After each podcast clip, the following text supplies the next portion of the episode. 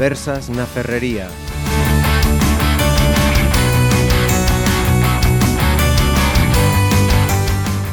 Saudos, eh, seguimos esta semana falando eh, do 25N. Eh, esta semana tiñamos un especial no cara a cara e hoxe tamén nestas conversas na ferrería ímonos a centrar na violencia de xénero. Imos plantexar esta cuestión dende diversas eh, perspectivas eh, porque as persoas que me acompañan, eh, imos decir, son expertas en diferentes áreas. Eh, vou comenzar eh, pola miña dereita, esta miña compañeira de Pontevedra Viva, Natalia Puga. Estás na casa, benvida. Eu estou na casa, sí. Xogo na casa. E o resto tamén estades na, na vosa casa. Carmen eh, Cajide, benvida. Gracias. Gracias Ismael Calvo, benvido. Be, eh, gracias. Eh, Vicky Estevez, tiña que mirar a chuleta do teu apelido. e eh, Rubén Torres, gracias. benvido tamén. Gracias. Eles eh, están vencellados o movimento social, o movimento feminista, o oído da publicidade, no caso de, de Ismael, no oído da educación, no caso de, de Rubén.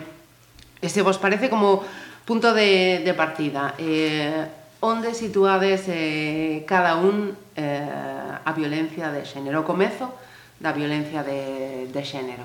Ben, no patriarcado está claro.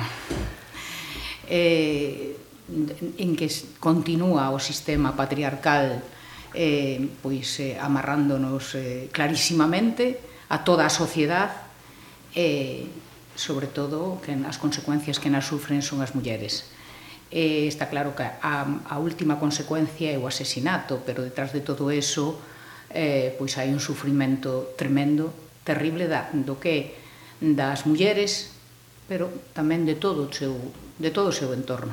Uh -huh.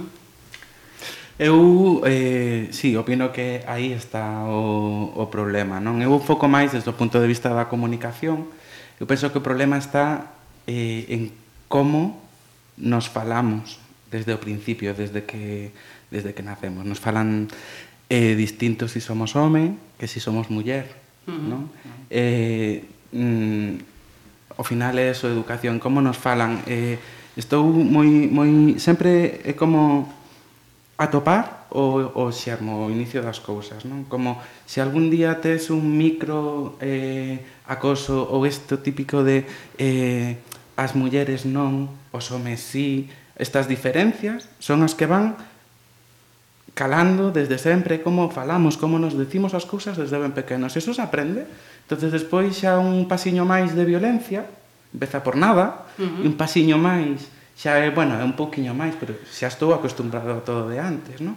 E, entonces acostumbras a ese pasiño. Logo o seguinte pasiño e o seguinte pasiño hasta que ao final xa aguantan as mulleres o que lles carros e carretas, o que lles boten, ¿no? Uh -huh. E é porque foron como tendo mini vacunas de violencia. Un vacuniña, un pouco máis dosis, un pouco máis de dosis, e ao final, o sea, a, a palabra é moi importante uh -huh. para mí.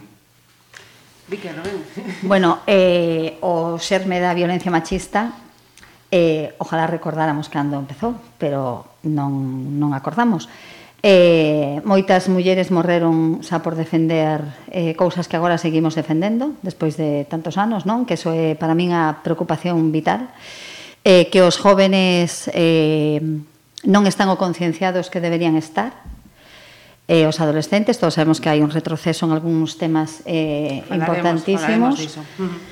entón penso que efectivamente a ver o sistema patriarcal é o que fai que, que o machismo, a violencia machista, pois siga día tras día, que se está importante, penso que é un tema importante, que estamos eh, como normalizando, cando, cando unha muller é asesinada, eh, se toma como algo normal, desgraciadamente, porque no primeiro momento ti o ves e a xente o ve, ai, que terrible, que terrible, e despois cada un fai a súa vida e non hai ningún movimento institucional nin nada, quero decir que aquí un home mata a unha muller, asesina a unha muller, eh, non pasa nada, non?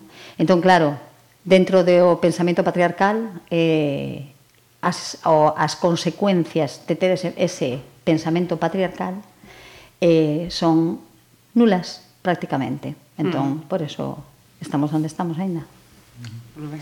Sí.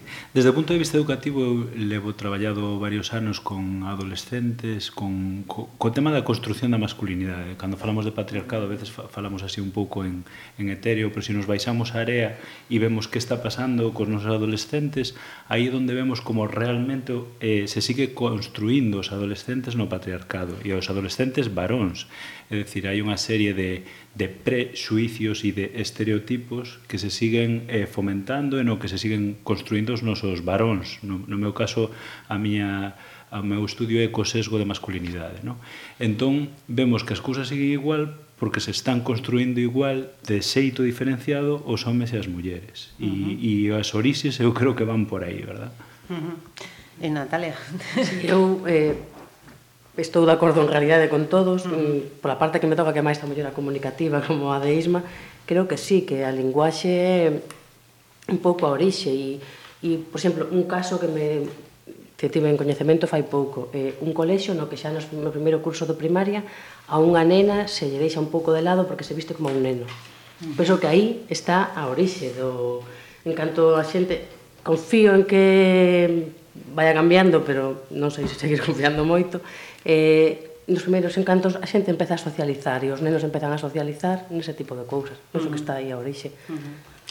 O sea que eh, seguimos eh, amarrados a, una cultura que a que impide eh, que se produza un, cambio. ¿no? Una, una pregunta que sigue latente que eh, nos últimos anos está a preocupar o, o incremento desas eh, actitudes eh, de, de, de violencia, de, de, de machismo, de, de control dos adolescentes, ¿no? Pensamos quizá pues, esa xeración dos 60, 70, que, que pensábamos, igual que non, non é así, no?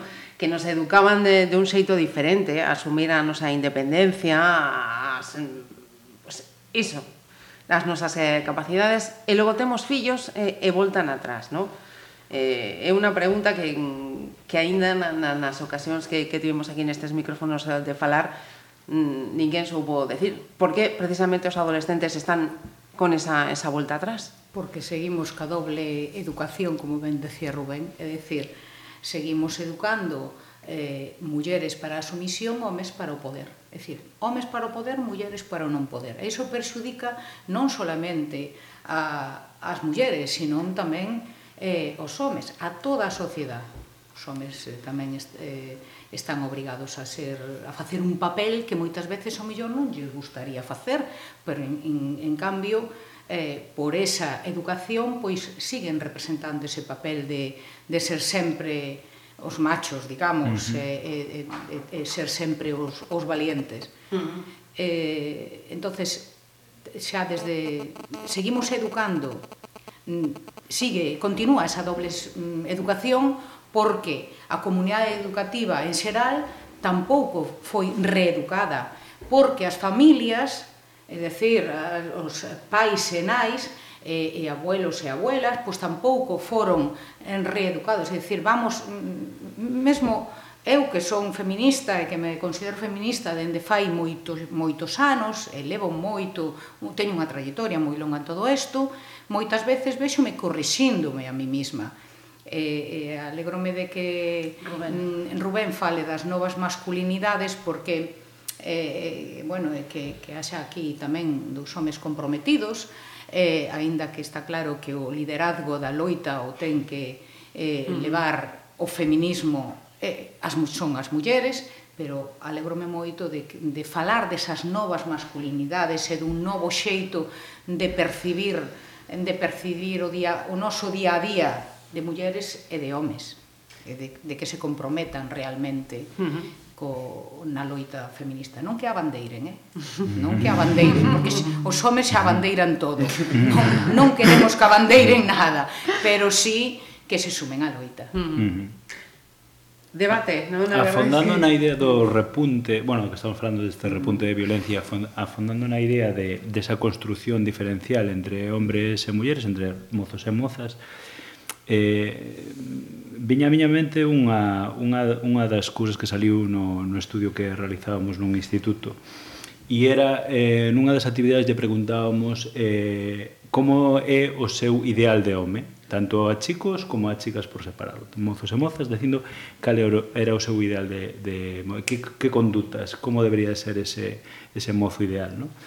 E os rapaces falaban do consumo das drogas, por exemplo, do consumo eh, de, do alcohol e demais, condutas de risco, como algo en positivo que teria que ter ese home ideal para eles. Eso é o que decían os chicos, a maioría dos chicos. E as chicas, o contrario, decían que ese home ideal para elas non tiña que ter ese tipo de condutas de risco. Entón, vemos como aos mozos se lle sigue, eh, se lle sigue educando e se siguen sentindo eh, como que as condutas de risco en xeral son eh, importantes para, para a súa construción da masculinidade. Non? E outra cousa importante tamén, eh, outra das actividades que facíamos con eles era que teñan que facer un, un cómic, un cómic eh, donde eles eh, reflectiran condutas violentas, ¿no? Eh, que eles lle, perdón, condutas masculinas e femeninas, que eles entendían que eran condutas masculinas e femeninas. E o tema da violencia aparece en moitísimos cómics dos rapaces e en ningún cómic das rapazas. entonces nesta construción diferencial estamos vendo como o tema da violencia e o tema eh, dos orixes, do repunte e demais que estamos falando moitas veces, sigue estando aí. E, e sobre quen hai que incidir é sobre o varón e a súa construción da masculinidade. Mm. Porque É verdade que hai eh, moitísimo avanzado e o feminismo foi quen, quen fixo avanzar eh, a muller e ao seu empoderamento e demais e, e se nota tímidamente nos institutos isto pero non se está traballando especificamente coa masculinidade e aí está o problema entendo eu, uh -huh. verdad? Eu penso que, mm, bueno, que os dous tendes eh, toda a razón. Uh -huh. eh, sí que é certo que igual o tema da das novas masculinidades está deixando, quizáis, o mellor un pouco aparte, non? Que igual nos centramos en empoderar as mulleres, pero claro, se empoderas as mulleres e non faz traballo cos, cos mozos, eh, traballo perdido. Por outra parte, eu eh, estendería o tema da educación. A educación non é só as que damos na familia e as que dan nos centros, e, o sea, que a educación é a sociedade inteira. Uh -huh. Entón, eh, os adolescentes, eu traballo con adolescentes tamén no, no eido do teatro, non? Uh -huh. É a miña especialidade, é os adolescentes. Entón, eh, todo o que eles palpan na publicidade, na sociedade que lle rodea, nos escaparates, todo está axudando a que non avancemos a que non avancemos. Entón, non é só un problema, nin un traballo dos, dos formadores, dos pais, dos, eh, da familia en sí, é que a sociedade inteira as leis, xa para empezar, o sea, que é o que ten que, que, que, que, que cambiar eh, leis que, que, que fagan que as cousas vayan mudando a mellores, non consentindo eh, certas cousas que se consinten tanto en publicidade como en, en calquera cousa da sociedade. Porque por moito, efectivamente, cando ti fas un traballo, a ver, os, os, os adolescentes, eh, son como esponjas e lógicamente, bueno, por exemplo, a mí non me gusta eh, nin, nin impoñer, por suposto, nin ser moralista. Non soporto ese, eses términos, pero sí que é certo que a educación dende o cariño Os adolescentes ás veces eh, se comportan dun determinado xeito porque non coñecen outro para comportarse. Cando ti llevas descubrindo cousas dende o cariño sempre, non podes, porque ti non penses como a min xa te, non, é que mm. eh, a sociedade isto, isto que hai, que, que, que miren cousas que mellor non pararon, non, non se pararon a, a mirar, porque non teñen esa perspectiva. E vas observando ao cabo dos anos, non, o traballo, e ves que faz traballo e eles fan un traballo importante Realmente hai un cambio de mentalidade. Cando, quero dicir que se, se, se houvese un sistema reeducativo uh -huh para eles, eles sí que absorben, sí que absorben e sí que mudarían as cousas, pero que a nivel social total. Claro, que pouco arreglamos se si os educamos dunha determinada maneira e despois ven anuncios sexistas que seguimos tendo ou ou nos medios de comunicación titulares sexistas que últimamente aparte estamos tendo unha recua deles ou... Sí, estábamos eh, vendo antes eh, Natalia máis eu algúns dos titulares que, que saíran durante as Olimpiadas, eh, a verdade Uf, que bof. foi tremendo. Mm. Bueno, eh, me da a sensación de que teño que levantar a man porque a publicidade que mala é. Na, a ver, é verdade que se fan cousas moi malas en publicidade, pero a publicidade é unha ferramenta, igual que son os medios de comunicación, igual que é a educación.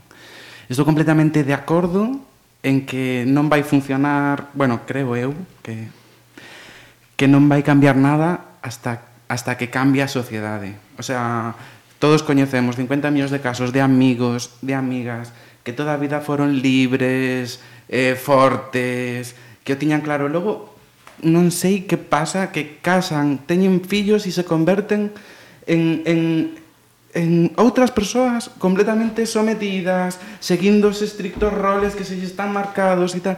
Eso non é porque veña un, un alguén mm, mm, eh, malvado e as convirta e, e os deixe, siguen sendo a mesma persona, solo que teñen grabado a lume que ten que ser. A, o que a sociedade, ¿no? Sí, sí. Entonces, E é así, e aínda que tú pelexes e digas, no, eu son unha muller independente, un home tolerante, un... No. Sí, con... Chega un momento que toda a carga da, da educación e de, de todo este ambiente que temos todos ao redor pode coa xente. E podes ir... E... Entonces, Isto enlaza un pouco co que decías tú, dos anos 60, que como que nos, ou os 70, que nos educaron a ser libres, a ser iguais. Non estou de acordo. Uh -huh. Non estou de acordo. Nos 60 era moi, a, toda a publicidade, toda a comunicación era moitísimo máis sexista, moitísimo máis opresor coas mulleres que agora. Había movimentos sociais, que empoderaban as mulleres, que empoderaban algúns homens, que agora tamén uh -huh. hai traballos, hai xente traballando, hai, penso que máis que nunca, xente traballando en isto, pero tamén hai o que había nos anos 60 igual, moita comunicación de todo tipo, tanto social como de medios, como de publicidade, que as machaca. Uh -huh.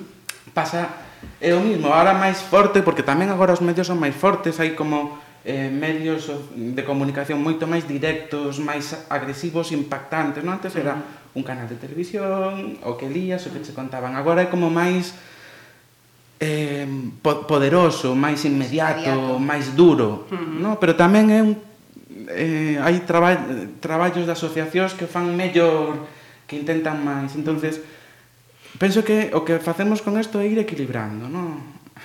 Pero falta Uh eh, -huh. eh, que, se, que a sociedade cambie. E para eso uh -huh. a publicidade é unha ferramenta estupenda. Como, sí que é. como ben se dixo aquí o feminismo foi quen realmente impulsou sempre os avances. Despois pudo haber gobernos máis sensibles ou menos sensibles. Pero o feminismo eh, foi sempre quen realmente rompeu barreiras e tirou para adiante. É dicir, nos anos 60 e 70 cada etapa ten mm ten o seu momento, non? Era era o momento do destape, entonces bueno, tamén habría que analizar un pouco ese... Quen se ese, destapaba? Ese, ese, ese Efectivamente. Tema. Decir, estamos noutro, bueno, viñamos dunha represión tremenda, era tamén, bueno, algo moi rompedor, a veces incluso demasiado rompedor, verdad? evidentemente. Pero volvamos ao, ao tema do feminismo, que sempre foi o movimento que impulsou, mmm, bueno, pois esta loita. Eh, e agora estamos no momento, e o debatimos moito tanto no, no colectivo feminista de Pontevedra como nas asociacións eh, eh, que o conforman, como, por exemplo a rede que eu represento, pois traballamos moito ese tema. E temos claro que temos que conectar como, como facemos para conectar o feminismo ca sociedade, como ben decías ti, non? Eh, e co, como Traballamos con, cos catro pilares da socialización, que evidentemente, como ben decía Vicky, pois non é solamente a familia e máis o, a comunidade educativa, senón que son os medios de comunicación e os grupos de, de colegas, non? o sea, a rúa. Eh, comemos coa televisión, estamos, bueno, é dicir, os medios de comunicación teñen un poder especial.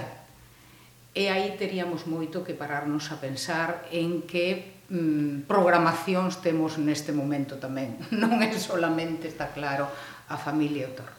Entón, desde o feminismo eh, estamos eh, vendo de como, como realmente ser eficaces. Porque tamén de, estamos, a veces, eh, cansámonos de, de estar eh, horas e horas eh, traballando e non ver resultados a veces non vemos resultados. Incluso neste momento pois vemos que, por exemplo, o acoso eh, bueno, pois está crecendo dunha maneira eh, o acoso pola rúa, tipo o acoso sexual pois, pola rúa que, que nos parece unha barbaridade. Eh, por iso que o compromiso non pode ser solo dunhas cuantas feministas ou de, de personas do novo masculinismo, evidentemente ten. Temos que chegar a sociedade de alguna maneira e os medios de comunicación, como ti ben decías, é unha ferramenta clave.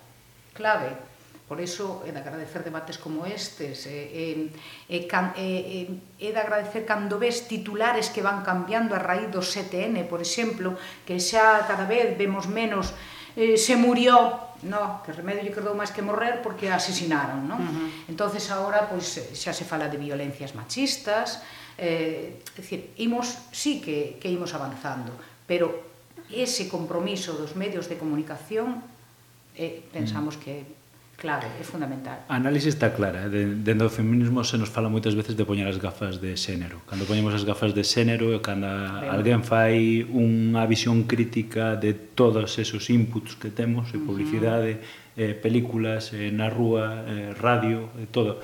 Vemos, eh, se si nos poñemos as gafas de xénero, como realmente aí hai unha, unha construción de como debe ser home, como debe ser muller, siga vendo. A análise está clara. Ahora, como, como intervir? Claro, eu eh, falo de, da educación. Uh -huh. Eu creo que é un pilar fundamental. E, e se non facemos un traballo sistemático en educación, eh, vai estar moi complicado. Ahora mismo se nos fala desta asignatura de xénero que vai ser unha optativa, bueno, é un, un pequeno avance, pero pero debería estar eh, o traballo específico en xénero nos currículums educativos dos rapaces e das rapazas traballar eh, unha medida práctica sería esa, que nos, nos currículos dos nosos eh, adolescentes especialmente eh, aí estuvera eh, formación en xénero, pero non formación dende un plano teórico, sino baixándose a área eh, poñe, eh, decidollo yo rapaces e rapaces que se poñan esas gafas de xénero que identifiquen esas desigualdades sociais e como, como traballar. Hai, hai, hai programas, hai programas que se poden aplicar. O que pasa é que, e se están aplicando nos institutos e en algúns coles, Eh, que pasa? Que, que son puntuais, que dependen un pouco do profesorado que este sensibilizado sobre o tema de máis e non está sistematizado. E eu creo que un, un avance grande sería ese. Sista, sistematizar, sistematizar eh, introducir nos currículums eh, o xénero. Uh -huh. Totalmente. Sí, sí. Eu quería decir que eu doulle toda a razón a Rubén porque eu penso que a base para solucionar todos os problemas é a educación. Uh -huh. Todo, para solucionar todo. É certo que o problema é que non hai profesores que teñan esa perspectiva. O sea, eu teño unha filla de 17 anos que está facendo o segundo bacharelato e os alumnos ás veces teñen, o sea, teñen que eh, facerse con voz na clase porque o profesor está falando de cousas eh, poñendo exemplos que son totalmente inapropiados dentro da perspectiva feminista. Despois tamén eh, un tema importante que que temos que chegar á sociedade, non? O que o que o que decía Carmen. Eh, antes de nada, hai que aclarar que é o feminismo. Uh -huh. Que é o feminismo? Que somos as feministas? Eu sempre que cando vamos a calquera sitio, verdad, sempre digo que as feministas non comemos homes, eh, o feminismo, cando lle dis a alguén, eu son feminista, ai non, non, eu non son feminista, eu quero na igualdade. E te quedas como así con cara de parva, non? Como dicindo, entón eu que fago aquí? Claro. Quer dicir, ser feminista é un marronazo. De verdade, que eu ás veces a miña filla e máis eu, cando estamos en casa, non? O que decías ti, as gafas moradas, cando te pos as gafas moradas, e estás vendo a tele, estás de mal humor sempre, porque ves todo o que ves. É tan sexista, tan machista, non? Que ao mellor cando non as tes, non, é, non, non tes esa percepción non das cousas. O feminismo é un sinónimo de dereitos humanos. Nada me, o sea, eu penso que calquera persoa que diga que non é feminista, quero pensar que porque non sabe o que é feminismo. Porque senón vou me preocupar moitísimo máis do que estou, non? Con este tema, realmente.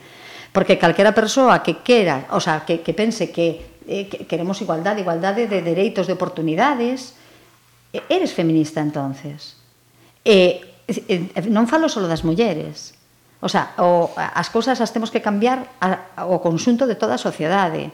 É certo que decía Carmen, nos que nos pensamos, lóxicamente, que eh, nos temos que estar na, na primeira liña, pero os homes teñen que ser uns aliados importantísimos, nosos, non? Para cambiar entre todos eh, eh as cousas, non? Mm. Eh, pero, pero sí que é importante a palabra feminismo levala sempre por bandeira, para que o feminismo se asocie con algo positivo e algo que o que, o que mudou moitas cousas que nos poidamos estar hoxe aquí hmm. pois é gracias ás feministas que loitaron dende hai moitísimo tempo para que nos podamos estar aquí, para que podamos ir a tomar un café cunha amiga, para que podamos abrir unha conta nun banco, para que podamos votar, que non hai tanto, no. que non podíamos realmente.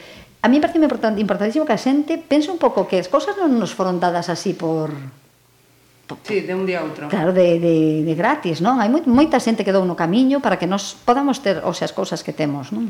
É que eu non sei en que momento se creou como esa imaxe de feminismo, radicalismo, eh, alonxado da, da sociedade, das demandas reais da sociedade. Creouse iso como unha barreira fai uns anos, non sei por qué, porque sí que nos anos 60, nos anos 70, o feminismo estaba como máis recoñecido, eu penso, pero agora non, está o término feminazi, por exemplo. Ou... No, que terrible, ademais, claro, que terrible. Claro, todas as cousas non sei como fixemos para dar este salto, pero é un pouco como este retroceso que, que eu vexo na adolescencia, non? Como...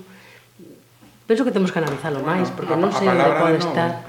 Eh, A quen se lle currira esa palabra de feminazi de unos clavos, para atacar o colectivo. Claro. Efectivamente. Porque eh, eh, como nunha sola palabra condensa todo odio hacia o movimento feminista. E ademais é moi pegañenta, é moi fácil como de asimilar, é moi fácil de decir. É... eu chegou un momento onde dixen que non ia falar con nadie, que non lera polo menos a definición de feminismo da Wikipedia. Por, por, por, por menos, por, eso pago eu, igual. Eh, sí, sí, por menos, sí, sí. Entón, hai unha hai unha hai unha unha total eh descoñecemento de que quere decir feminismo, unha eh, identificación de feminismo con embrismo, que son cousas diferentes, entonces Totalmente. que non teña a conceptualización clara, pois pues, entonces mellor xa non falar falabas da, das resistencias, por que, por que esa resistencia? Por que? Porque o patriarcado, o patriarcado se resinte ante os avances do, do claro. feminismo. Eh, en realidad é unha pérdida de poder. É unha pérdida de poder dos homes frente ás mulleres. Entón, hai unha resistencia, e a resistencia eh, ten múltiples formas. Múltiples formas. A mellor as de antes eran máis belixerantes, máis claras, e agora son máis eh, como hai un autor que se chama Luis Bonino define que, que son os micromachismos ¿no? Eh, esas, eh, esa capacidade de adaptación do patriarcado para eh, tomar novas formas e, eh, e persistir e unha desas é eh, esa, ridiculizar o, o, o, o contrario o argumento contrario, o argumento feminista non se entende feminismo como sinónimo de búsqueda de igualdade como realmente é o orixe do feminismo eh, senón como ataque ao home, non? entonces por aí andan as, as cousas. Falabas eh, do feminismo, o sea, de ser radicais, non? Mm. Eu, por exemplo, é dicir, non é que non temos que terlle medo ao feminismo radical. O feminismo radical eh, supuxo moitos avances, moitísimos avances. Eu, so, somos radicais o que na, na loita, somos radicais na loita, creemos nesto, pero non somos radicais de andar rompendo cristales, que no seu momento, que no seu Justo. momento foi necesario, sí, eh, e lo temos que recoñecer, e senón, como decía Vicky, non estaríamos hoxe nós aquí falando con naturalidade desto. Uh -huh. Pero estamos noutro momento, somos radicais na loita, no combate, porque temos que selo, senón todos eses perxuicios que aínda están, e por certo, o espellismo da igualdade fainos un dano terrible, terrible. Ese espellismo que parece que xa todo, que xa somos iguais, mm, mm. xa somos iguais, non é necesario pues, as que precisamente somos radicais na loita, na loita pacífica, pero mm, en realidad un combate duro, eh, pois sabemos que non é certo e queremos poñer sobre a mesa precisamente esas diferencias, porque temos que identificar as discriminacións e recoñecelas e facerllas recoñecer, é dicir, poñelas sobre a mesa para que a recoñeza a sociedade. Incluso eses que, vamos, non, non vou a decir a, a insultar a nadie, que iso xo fan eles, a eses que nos chaman feminazis, incluso a esas personas que teñen familias, vamos, e, e demais, pois que recoñezan realmente que o seu arredor están discriminadas mulleres, xa non vamos a decir que se preocupen pola sociedade, que sería moito seguramente para esa xente, pero que miren ao seu arredor, a súa familia, as mulleres da súa familia. Mm? Nos miramos moito máis alá e miramos pelas mulleres do mundo, que somos moi ambiciosas, non? Se queremos, queremos cambiar o mundo. Pero sí que é verdad que temos que identificar eh, as discriminacións. E, por exemplo, unha delas que, que nos parece gravísima é a discriminación salarial, por exemplo. As mulleres traballamos máis de dous meses gratis, eh? máis de dous meses gratis ao ano, porque os homes cobran Uh -huh. eh, bueno, pois un 24% máis eh, que as mulleres. Entonces, bueno, que en día son moitísimas máis, pero por poñer unha sobramesa que, que, que se ve con claridade, vamos. Entonces, identificar, eh, identificar e recoñecer as discriminacións e saber que o da igualdade de momento é un espellismo. Non é real para nada, para nada.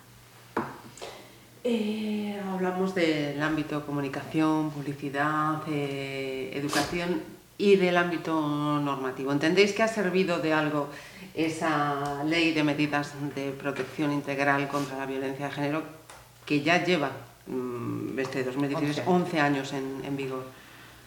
O la realidade va por delante de, da normativa unha vez máis. A ver, eu penso que, baixo o meu punto de vista, eu penso que foi un avance grandísimo.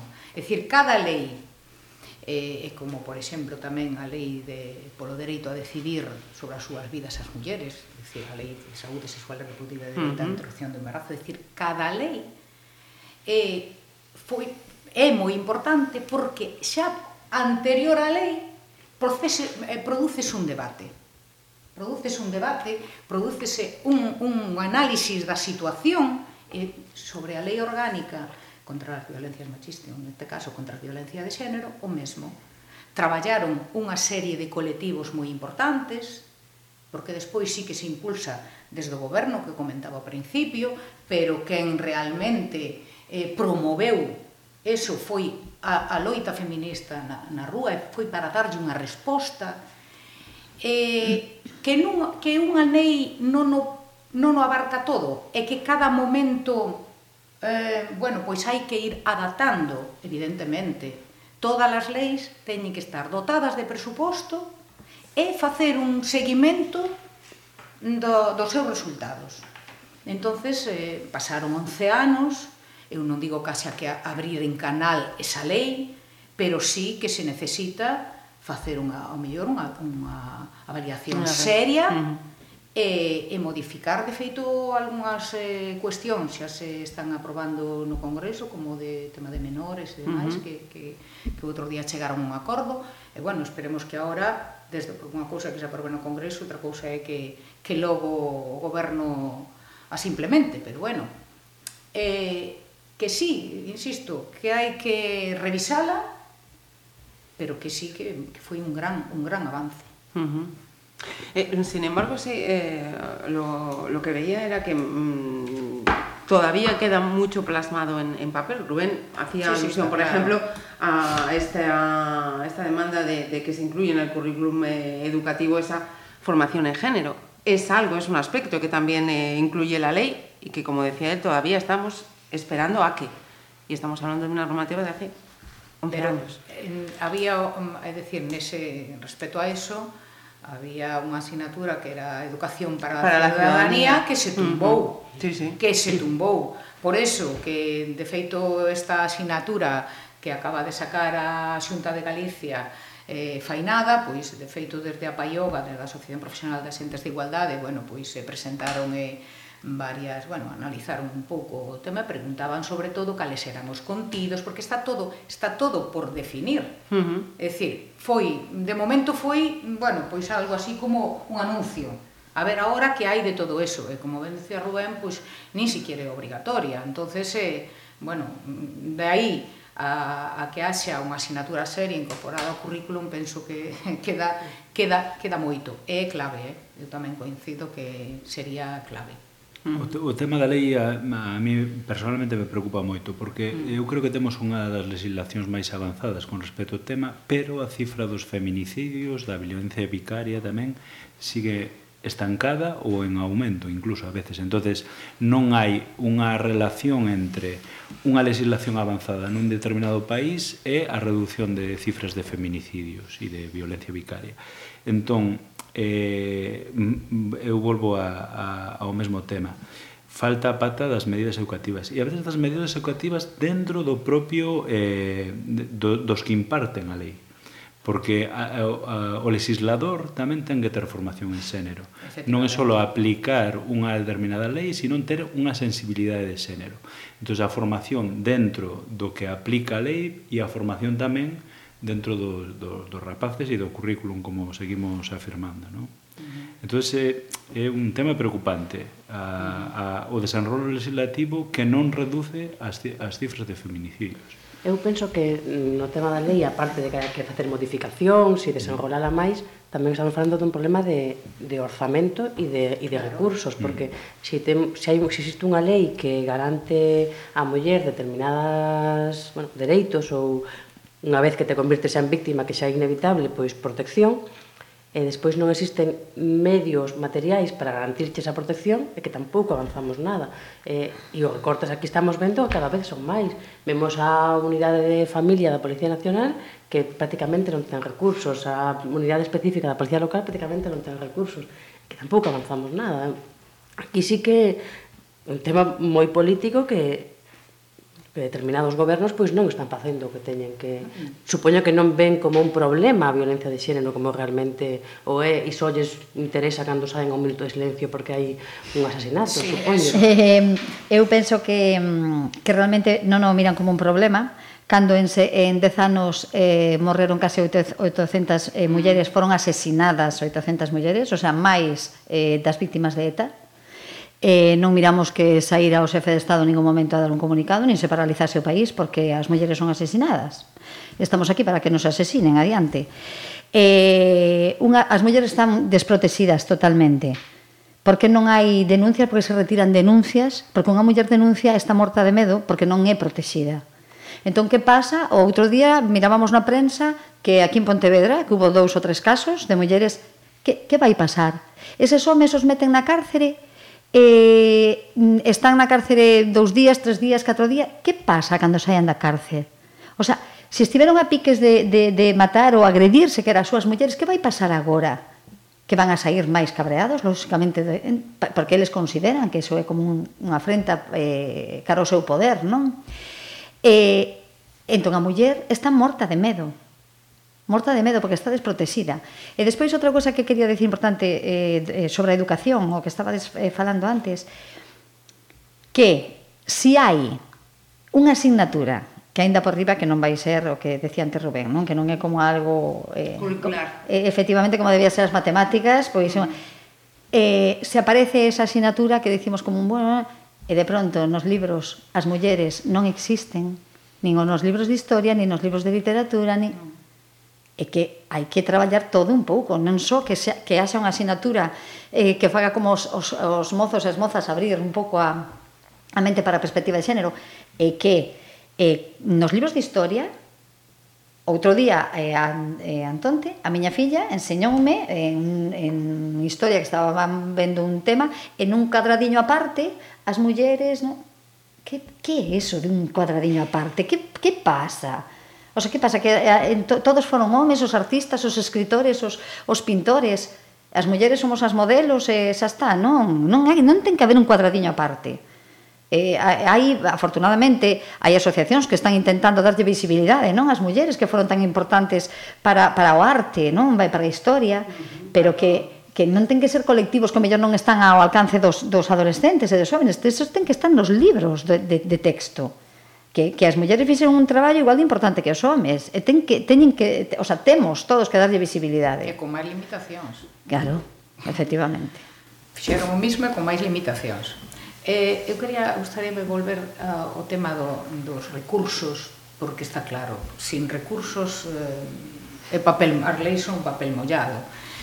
Eh, desde que, bueno, con Rajoy de, de presidente, pois eh, houbo un máis dun 20% de recortes en políticas contra as violencias machistas. E desde que está Feijó de presidente, en políticas de igualdade en xeral, pois aquí tan as cifras, e non é que o diga eu, senón que é un informe da Universidade de Santiago de Compostela, las políticas de igualdade de género en tiempos de crisis, el caso gallego, aquí o está. Bueno, pois eh, aquí falan dun, dun, de preto dun 80% de recortes en toda con respecto ao anterior eh, goberno. O 80%. Entonces, si sí é verdad, porque analizan as, as tres, eh, é decir, en violencia de xénero, mm, pois eh, apenas eh, recortaron e despois in, in, incorporaron algo, pero é que se non se traballa na dinamización, se, nin, se non se dotan realmente os servizos, eh, e se non se mm, dotan os servizos dos, dos concellos, os CINS, por exemplo, os centros de información á muller, que hai que crear unha rede de centros eh, moito máis potente da que hai, mm, e non porque non fagan un esforzo increíble os propios concellos e as propias técnicas e técnicos do, dos, dos CINS, que sí que os que coñecemos as, a eses profesionais e a esas profesionais e fan realmente mm, un traballo impresionante moitas veces máis alá do seu horario de traballo ou das súas obligacións, porque que teñen unha carencia de recursos tremenda, uh -huh. tremendas. As competencias é da Xunta de Galicia, E despois, máis alá do compromiso que poidan ter os, os concellos, evidentemente, e poñen da, su, da súa parte. Pero teñen que estar dotados eses centros de información á muller, mm, moi, con moitísimo máis eh, presuposto, con moitísimo máis presuposto. Está claro que con este tipo de recortes é imposible, porque é imposible. Eh, é verdad que desde, o sea, pegaronlle un hachazo o primeiro, o primeiro ano, nada máis chegar ao goberno, e despois vano mantendo. Entonces din que non hai recortes, pero volvamos atrás, o que había é o que hai agora. Dicir, aí é onde se ve o compromiso. Uh -huh. Que pasa? Que eh, as políticas de igualdade son as que teñen que sufrir no tempo de crisis o maior recorte, porque é o que está a suceder, isto, isto non pasou en ningún, eh, eh, estou segura que en ningún outro ámbito eh, bueno, por dos orzamentos de, da Xunta de Galicia, eh? en ningún. E tamén é evidente que nestes eh, tempos de crisis, precisamente na, pola situación económica, eh, hai moitos casos de, de mulleres que aguantan, que non denuncian precisamente claro. pola, pola situación. Efectiva, eso, efectivamente. Eso mesa. Uh -huh.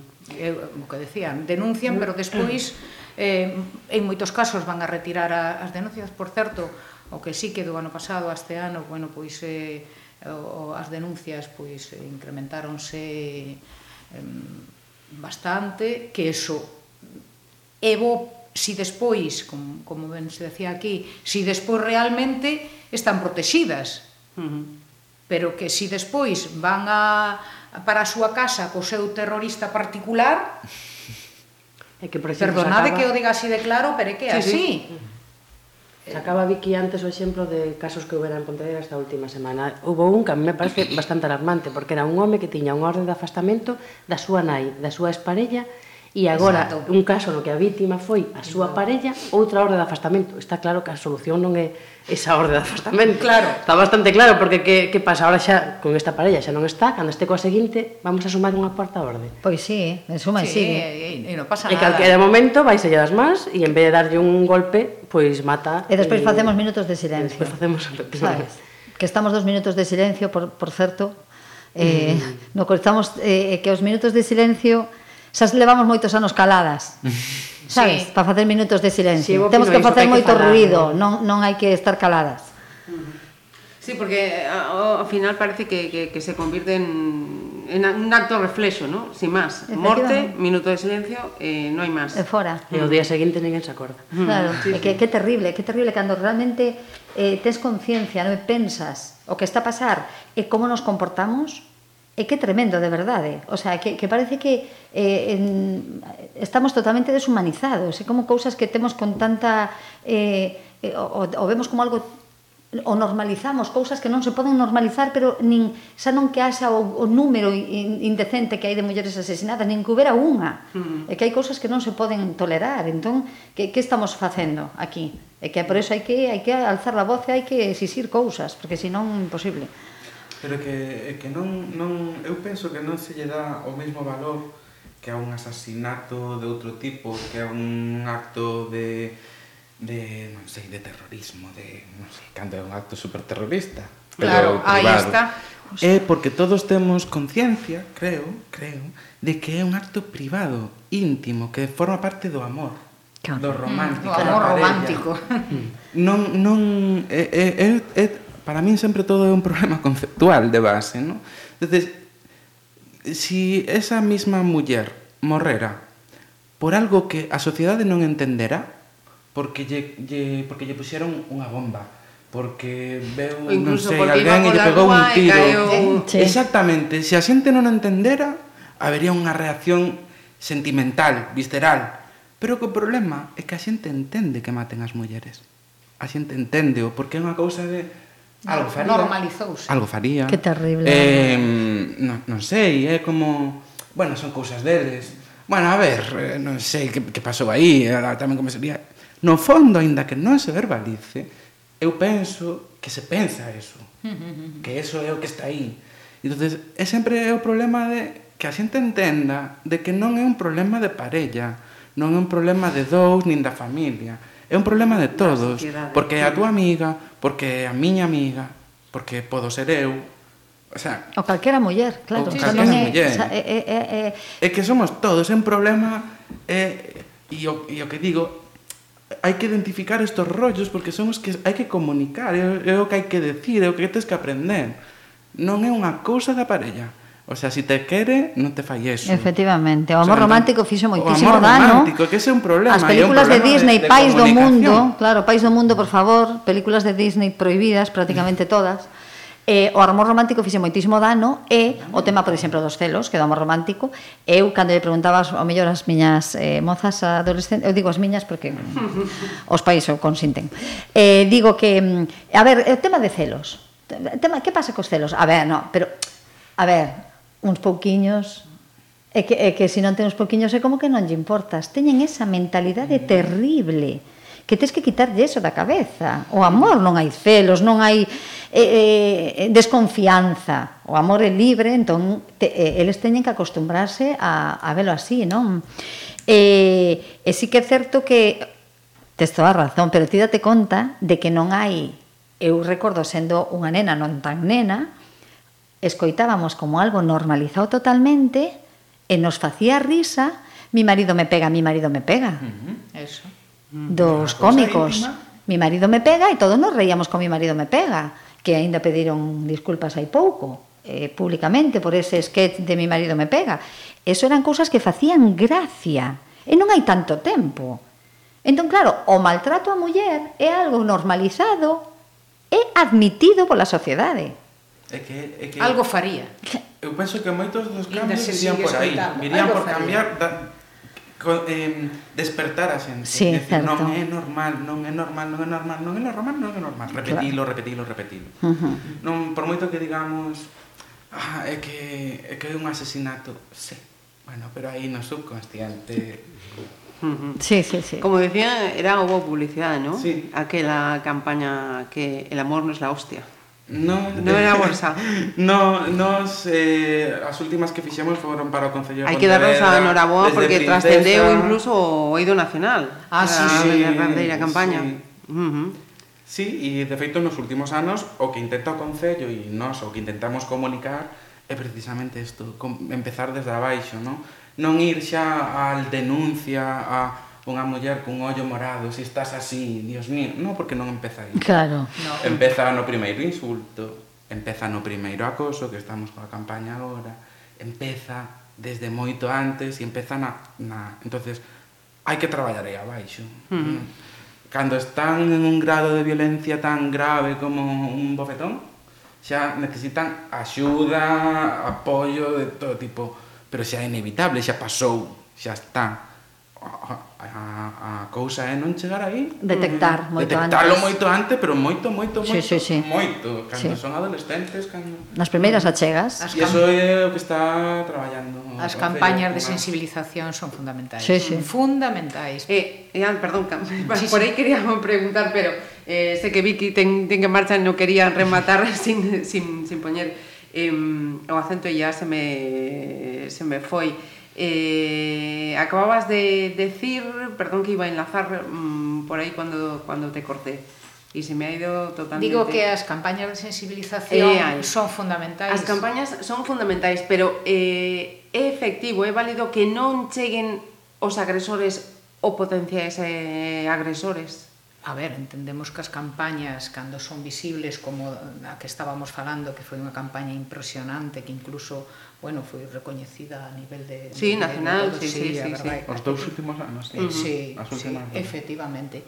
Eh, os agresores eh, entendo eh, que tamén as verán. As verán outra, pero, pero outra cousa é que sean sensibles eh, a bueno, pois a, a miralas, o sea, con esa mirada de, de, de intentar cambiar, non?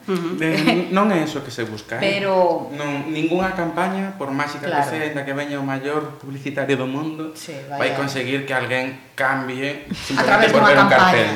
Pero sí que xeraron un mogollón de debate porque foron campañas basadas na realidade pero moi duras, sin maquillar nada. O sea, o que é e vamos a ter a valentía de poñelo e que se fale Houbo críticas, houbo halagos, houbo de todo, pero houbo moitísima conversa, moitísimo reacción. debate, moita reacción. entonces claro que lle chegou os, os homes Uh -huh. eh, por suposto, moitos claro sí. eh, se puxeron en contra, foron moi belixerantes, pero xa os coitaron. Uh -huh. Aquí os coitaron. E volverán a escoitar, escoitaron hai dous anos, escoitaron o ano pasado, volven a escoitar este ano, escoitaránno o que ven, e o que ven, e o que ven. Ai, ai. E non nos cansaremos sí. de que os coiten hasta que se den conta. Ajá. É clave. Pois eh, antes de, de pechar, eh, hoxe son, foi o, o comezo, no? o comezo unos eh, esbozos deste problema eh, social. Eh, unha mensaxe, os pediría cada un de vos para estar datado 25N. Quen quera que comece? Eu creo que solo traballo preventivo eh, con nenos, nenas, adolescentes, adolescentes é o que vai a ser capaz de, de deconstruir eh, a identidade tal e como está tal e como está artellada e cambiala a prevención. Traballo preventivo no ámbito educativo. Uh -huh. Eu compromiso social e compromiso institucional, que hai moi pouco compromiso social e institucional.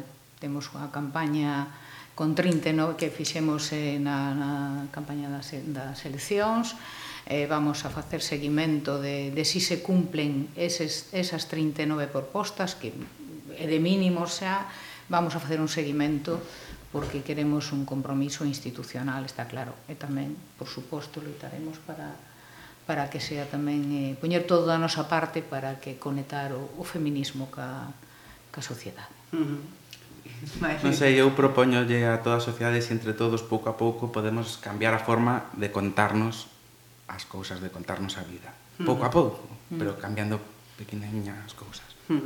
Eu, como confío pouco nas institucións, eh, pido unha unión moi grande entre todas as mulleres, eh, cos nosos aliados os homes que formemos unha gran como unha gran coalición non de mulleres loitadoras que para que as que están sufrindo ou as que sufriron ou as que sufrirán eh, o maltrato machista que saiban que non están solas e que imos a ir desto antes ou máis tarde. Uh -huh. Un, pouco, un pouco tamén pola conciencia social, non? Que deixemos de normalizar e de, de asumir como algo normal eh, a violencia. Uh -huh. Pois eh, grazas a, a todos, eh, a Rubén e a Ismael tamén, eh, as voces máis masculinas moi concienciadas sí, sí, en, sí, nesta, nesta mesa, Vicky, Carmen e Natalia. Moitas grazas. Grazas, grazas a ti. Gracias a ti.